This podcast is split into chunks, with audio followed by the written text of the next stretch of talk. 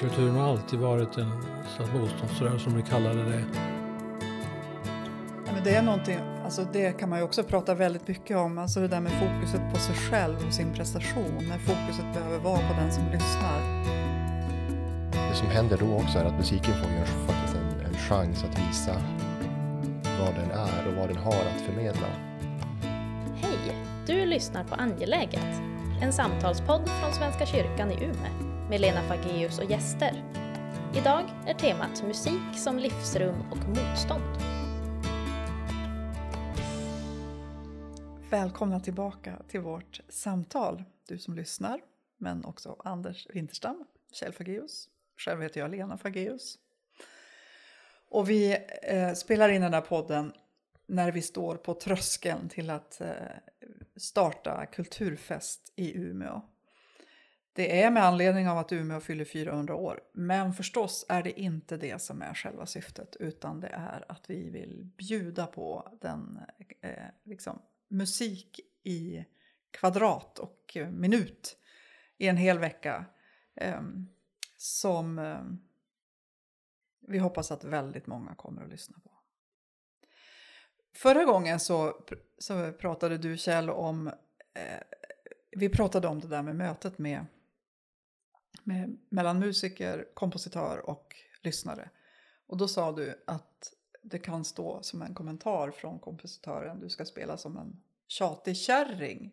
Men så visade det sig att det var inte en kärring, eller kan ni bara Anders han försökte skämta och säga att nu, nu kommer det en rättelse. Det står inte tjatig kärring, du kör Ja, på ett plan så vart det fel för att det står att det var en tjatig fågel.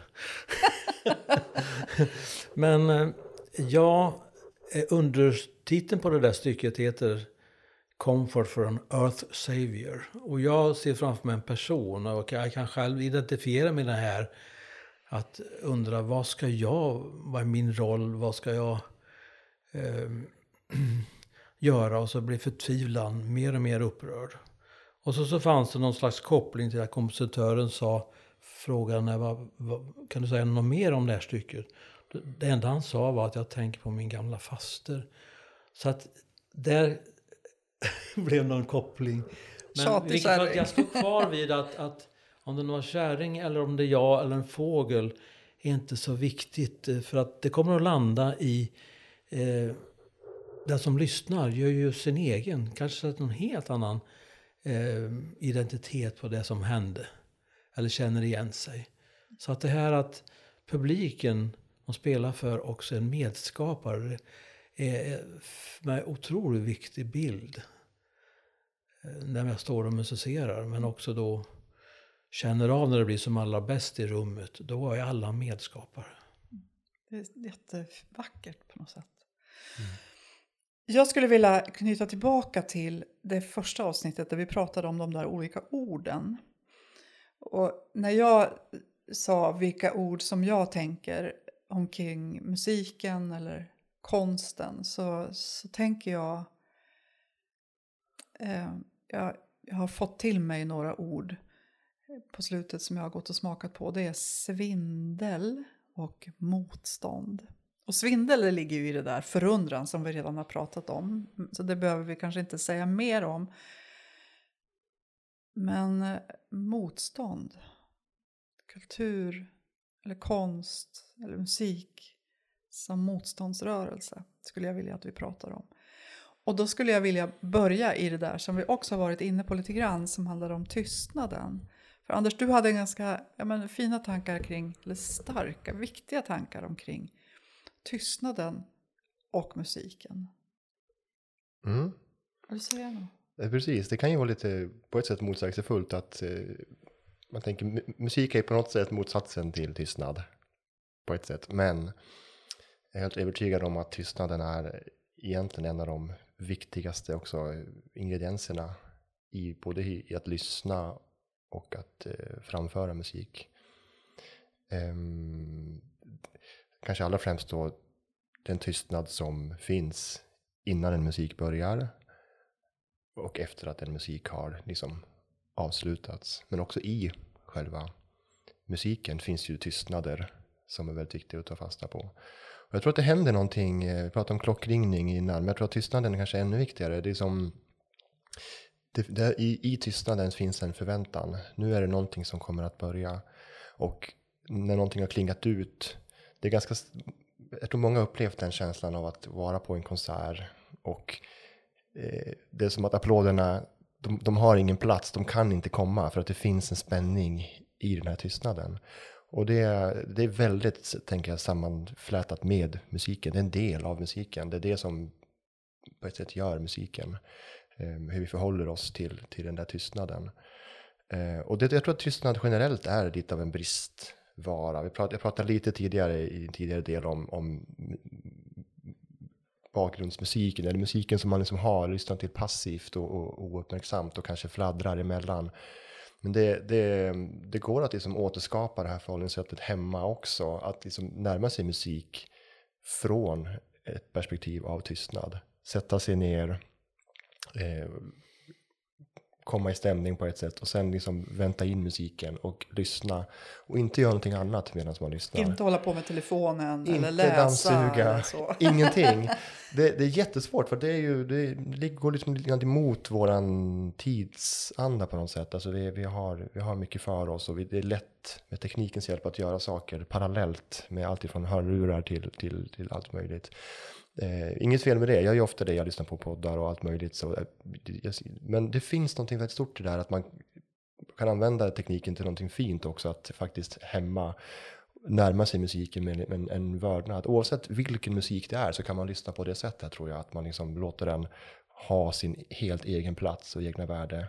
Den börjar och den slutar och man om, omgärdar den med, med eh, ja, en, en varsamhet. Form på något sätt. Ja, jag tror det. På det sättet så blir det ju också en slags motståndsrörelse mot, om man nu eh, håller fast vid mitt lilla ord där med motståndsrörelse, med Mm. kulturen som motstånd.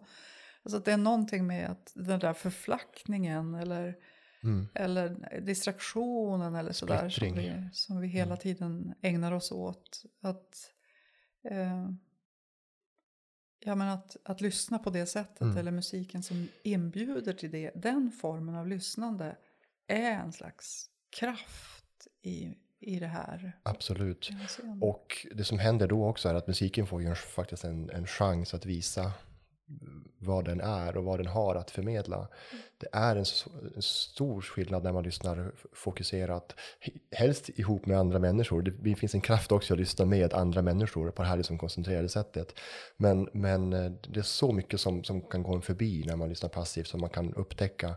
Särskilt, helst ska man lyssna på samma musik flera gånger, eh, gärna efter varann, men också flera gånger eh, återkommande. Det, det finns så många exempel tycker jag i, i, i mitt eget liv där det har tagit fem, sex, sju, åtta lyssningar innan jag liksom hittar kärnan i, i det här stycket. Eller någonting som, som resonerar i mig och kanske på olika sätt varje gång. Och liksom, vi pratar, om förväntan, nu pratar jag väldigt mycket här, men vi pratar om förväntan innan också. När man lär känna ett stycke på det sättet, att man har återkommit till det. Det är en av de största musikaliska njutningarna, när man ser fram emot att, att ett ställe i ett stycke och att få höra det igen. Eh, trots att det inte är, eh, man kommer höra på ett annat sätt, men ändå så, så längtar man efter det. Alltså man längtar efter någonting som man egentligen inte har hört. Så, men det är väldigt fint tycker jag. Ja, som mig väcker det några bilder med tystnaden. Det här känslan av att vara tyst tillsammans med någon annan. Jag tänker på om man tar en promenad eller bara sitter stilla i skogen. Och så kan jag tänka tillbaka i livet att man har själv känt eller någon säger så här, jag tycker så mycket om att vara tyst tillsammans med dig. Alltså det är någonting av, av kvalitet där. Och jag kan också känna att promenader eller stunder med barnbarna. Att inte prata så mycket, bara vara där tillsammans. Att det finns någonting av det. Den andra tanken som jag hörde eh, som väcktes i mig när, när vi pratade så där, det var jag gick förbi begravningsbyrån här nere och då annonserade de väldigt tydligt här. Vi erbjuder begravningar utan ceremoni. Och det är någonting av, av det där. Alltså att nu ska man dö och begravas utan att det uppmärksammas.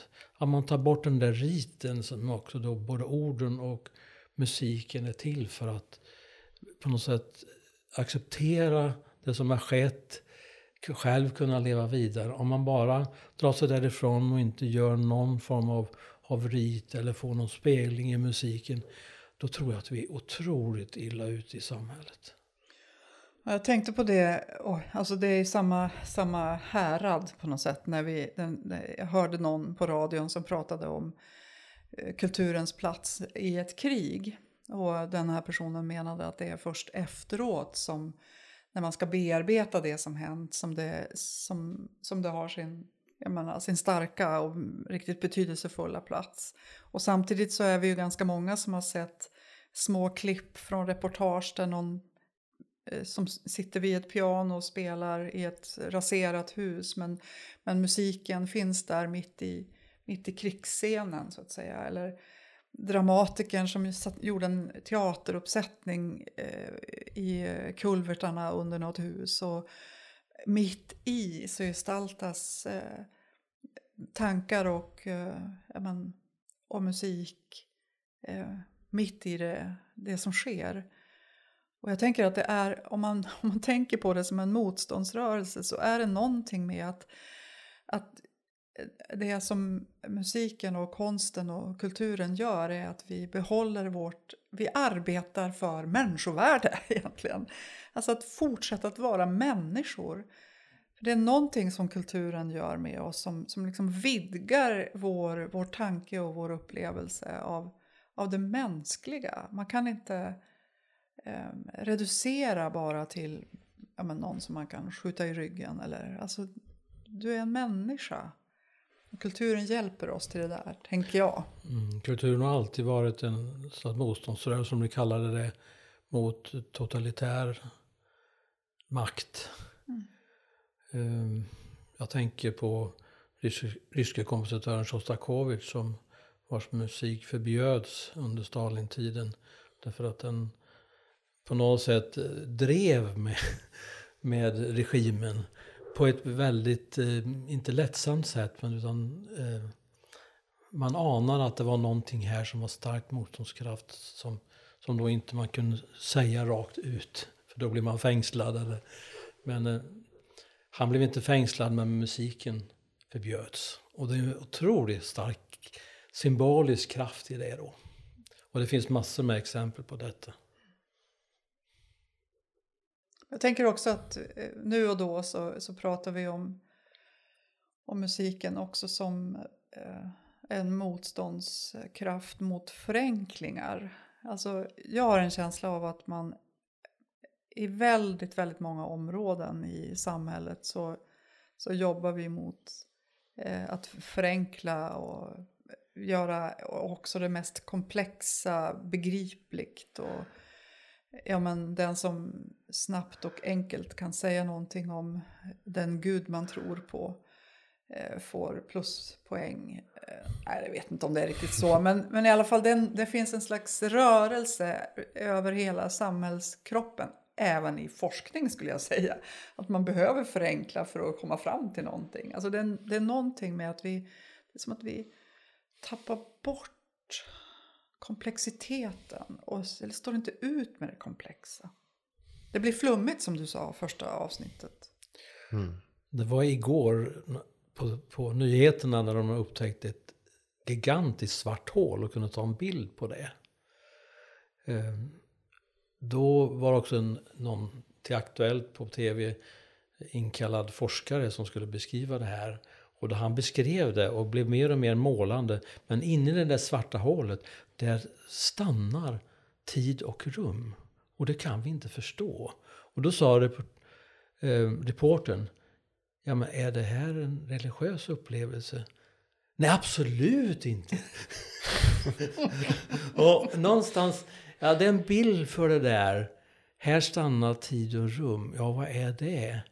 Och jag kan inte säga vad det är. Och om jag nu skulle benämna mig Gud så är jag helt nöjd med det. Därför att, att det ger mig en chans att på något sätt eh, leva i det här osäkra. Och att inte veta allting. Och eh, ja, livet blir helt enkelt lättare att leva när jag ställs inför det och kanske sätter ett namn på det men utan den här specifika etiketten. Och så är det med musiken också. Jag kan inte, det händer någonting som jag inte varken vill eller kan sätta eh, etikett på. Och det är en del av den där förenklingen som också jag känner mig starkt motiverad. En motståndsrörelse mot tävlingar och rating. Allting ska tävlas av, allting ska ratas. Och det är också otroligt eh, svårt i samhället. För jag möter många ungdomar som är i 20-årsåldern sådär. De känner sig som de är en dokusåpa hela tiden. Mm. Är det jag som blir utröstad nästa gång? Och det är en förenkling av världen, det är inte så. Och det är liksom att ibland tänker jag att utbildningen riktar sig in på att man ska utbilda hundra tulpaner som ser ungefär likadana ut. Och, och jag, mm, om ni förstår bildspråket på något sätt, nej men mer åt en hel blomsteräng då med massa olika. Att personligheterna får, får finnas och det finns en tulpan och det finns en, en blåklocka. Ja, visst. Nej, jag såg någon konsert annonseras, inte här i stan, det var någonstans som kom och upplev teknisk perfektion. Alltså det är nästan som att man skulle gå på cirkus och liksom uppleva någon som gör konster. Och det, det finns ju mycket att säga om det där, alltså, hela, alltså hur, hur man kan eh, gå till en konsert och man tänker alltid att man ska få uppleva exakt samma sak som man kan uppleva på en CD-skiva. Ett, en, ett återskapande av någonting, ett upprepande och liksom en, en, en, en, en trapetskonstnär på något sätt som gör. Och det känns ju som att eh, jag har också haft egentligen problem med liksom nervositet och sådär innan konserter. Men är det inte ganska hemskt egentligen att man när man står inför det fina att få bjuda, få ge människor en musikalisk upplevelse, då ska man vara nervös, känna sig rädd för att misslyckas och liksom nästan i ett skräcktillstånd ibland. När det liksom, man ska egentligen känna att det här är det finaste jag kan få göra. Eh, därför, det där vet ju du mycket mer än om jag själv. Men, men eh, jag, jag tänker ofta på det att liksom, hur har vi hamnat där? Att, att liksom, det, det, det, det är det vi förväntar oss på något sätt av en konsert. Ja, men det är någonting, alltså det kan man ju också prata väldigt mycket om. Alltså det där med fokuset på sig själv och sin prestation. När fokuset behöver vara på den som lyssnar. ja. Ehm, men um, förhopp alltså, egentligen skulle man, skulle, om man skulle annonsera, jag, jag tror inte vi gör det, vi annonserar inte heller så, men en korrekt annonsering det skulle vara kom och lyssna på musiken och möt dig själv. Mm. För det är det det handlar om, eller hur? Man möter sig själv.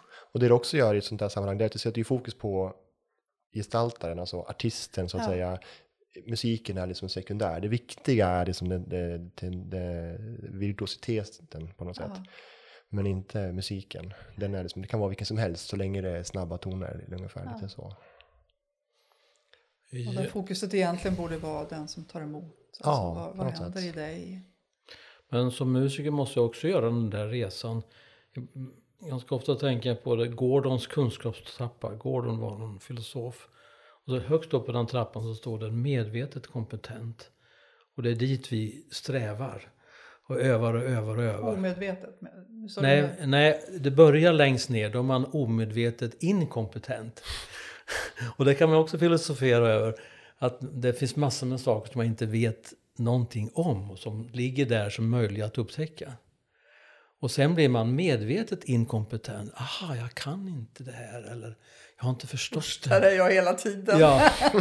Och sen jobbar man framåt och så blir man då medvetet kompetent för att man ökar det. Och då eh, kan man tänka sig, men det var ju dit jag ville. Men högst upp på trappan så står det omedvetet kompetent. Och då är det här att gå in i hängivenheten, att eh, jag känner att man, man eh, litar på det man har övat, man, man känner att publiken är medskapare. Det är, det är någonting där som man eh, släpper kontrollen över. Och vi brukar prata om det som att det finns en alternativ kontroll. Därför för i det tillståndet så, så händer det magiska saker. Ett plus ett blir fyra. av något, om vi förstår den metaforen. Det är ett slags flow-tillstånd. Det är ett slags flow-tillstånd, ja. Visst. Ja. Omedvetet inkompetent. Ja, men det låter hemskt. Det lät väldigt hemskt. Men det, det, eh, jag tror att det någonstans där, om man kan se det så som att det är en del av förundran. Vi pratar om det ordet som kodord. Att jag är, själv är jag omedvetet inkompetent på massor med saker. Den där personen som jag möter har upplevt saker som jag har ingen aning om.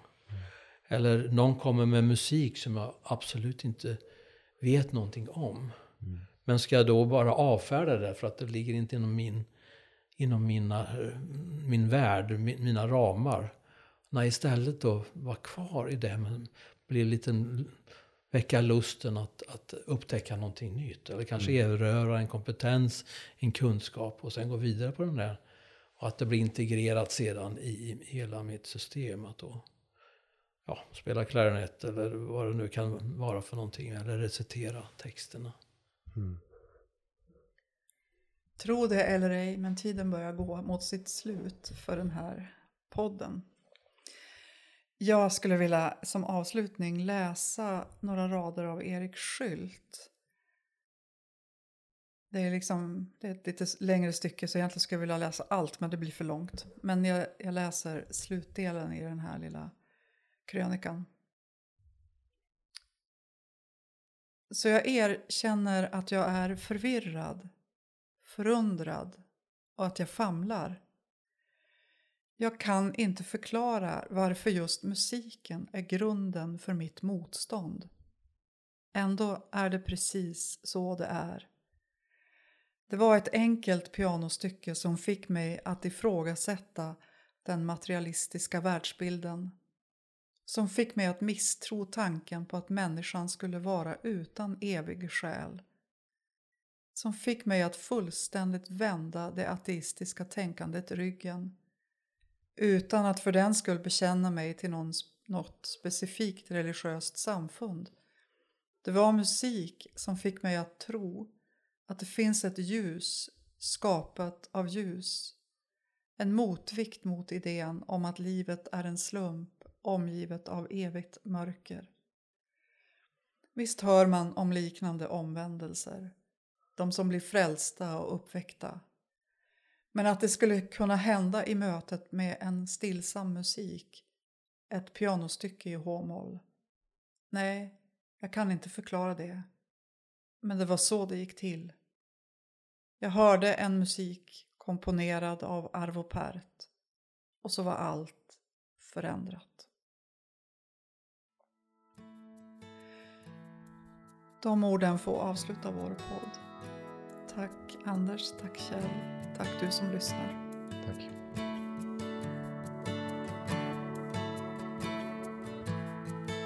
Du har hört Angeläget, en podd med Lena Fageus och gäster.